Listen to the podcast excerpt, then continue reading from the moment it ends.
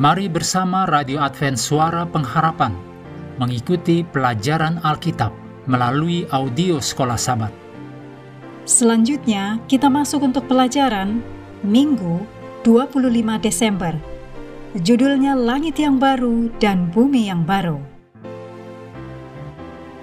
Mari kita mulai dengan doa singkat yang didasarkan dari 2 Petrus 3 ayat 13.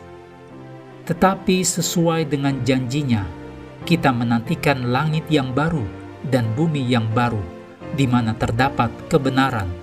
Amin.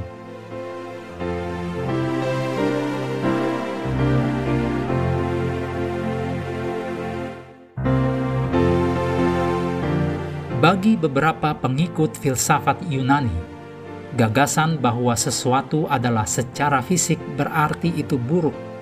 Itu sebabnya bagi mereka tidak terbayangkan untuk memikirkan surga yang nyata dengan orang-orang yang nyata di masa depan.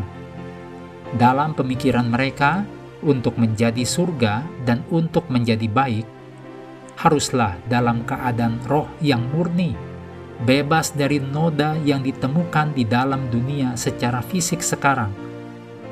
Jika sesuatu itu berbentuk materi, mereka menegaskan tidak mungkin menjadi roh. Dan jika sesuatu itu dalam rupa roh, tidak akan bisa menjadi materi. Sebaliknya, Alkitab berbicara tentang surga secara nyata yang tanpa batasan, tidak dibatasi dengan kehadiran dosa. Yesaya 65 ayat 17 sampai 25 tentang janji mengenai langit yang baru dan bumi yang baru. Juga Yesaya 66 ayat 22 dan 23. 2 Petrus 3 ayat 13 dan Wahyu 21 ayat 1 sampai 5 adalah tentang langit yang baru dan bumi yang baru. Kitab Yesaya memberikan pandangan sekilas yang menarik tentang bagaimana jadinya bumi ini jika Israel sebagai suatu bangsa tetap setia pada perjanjian mereka dengan Allah. Ditulis dalam Yesaya 65 ayat 17 sampai 25, Yesaya 66 ayat 22 dan 23, Ulangan pasal 28 seluruh lingkungan dengan berbagai ekspresi kehidupannya akan semakin berkembang menuju rencana awal Allah, yaitu sebelum masuknya dosa. Namun, rencana itu tidak terwujud seperti yang diharapkan.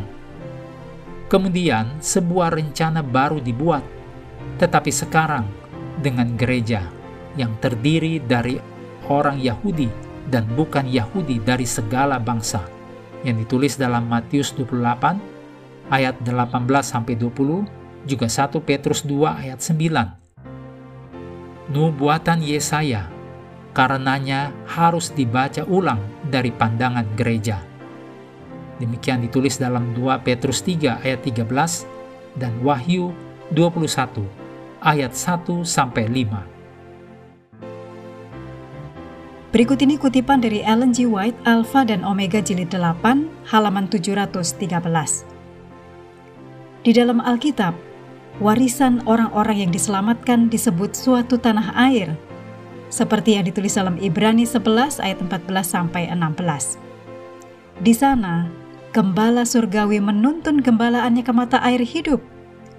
Pohon kehidupan memberikan buahnya setiap bulan dan daun pohon itu adalah untuk keperluan bangsa-bangsa. Di sana ada sungai-sungai yang airnya terus mengalir, jernih bagaikan hablur atau kristal. Dan di tepi-tepi sungai itu ada pepohonan yang melambai-lambai yang memberikan bayang-bayangnya ke jalan-jalan yang telah disediakan bagi umat tebusan Tuhan. Di sana, dataran-dataran luas terhampar sampai ke bukit-bukit yang indah dan gunung-gunung Allah berdiri dengan puncak-puncaknya yang tinggi. Di dataran-dataran yang tenang dan damai ini, di samping sungai-sungai yang hidup, umat Allah yang telah lama mengembara dan menjadi musafir mendapatkan tempat tinggal mereka. Banyak penulis sekuler tanpa pengharapan kekekalan seperti yang dalam kitab suci telah menyesali ketidakbermaknaan keberadaan manusia Meskipun mereka salah tentang masa depan, memang sulit untuk berdebat dengan pendapat mereka tentang kehampaan hidup dan tanpa pengharapan masa depan. Mengakhiri pelajaran hari ini, mari kembali ke ayat hafalan kita dalam Wahyu 1 ayat 17 dan 18. Ketika aku melihat dia, tersungkurlah aku di depan kakinya, sama seperti orang yang mati. Tetapi ia meletakkan tangan kanannya di atasku, lalu berkata, Jangan takut, aku adalah yang awal dan yang akhir dan yang hidup. Aku telah mati, namun lihatlah, aku hidup sampai selama-lamanya. Dan aku memegang segala kunci maut dan kerajaan maut. Kami terus mendorong Anda untuk mengambil waktu bersekutu dengan Tuhan setiap hari bersama dengan seluruh anggota keluarga, baik melalui renungan harian, pelajaran sekolah sahabat, juga bacaan Alkitab sedunia, percayalah kepada nabi-nabinya, yang untuk hari ini melanjutkan dari 1 Tawarif pasal 8. Tuhan memberkati kita semua.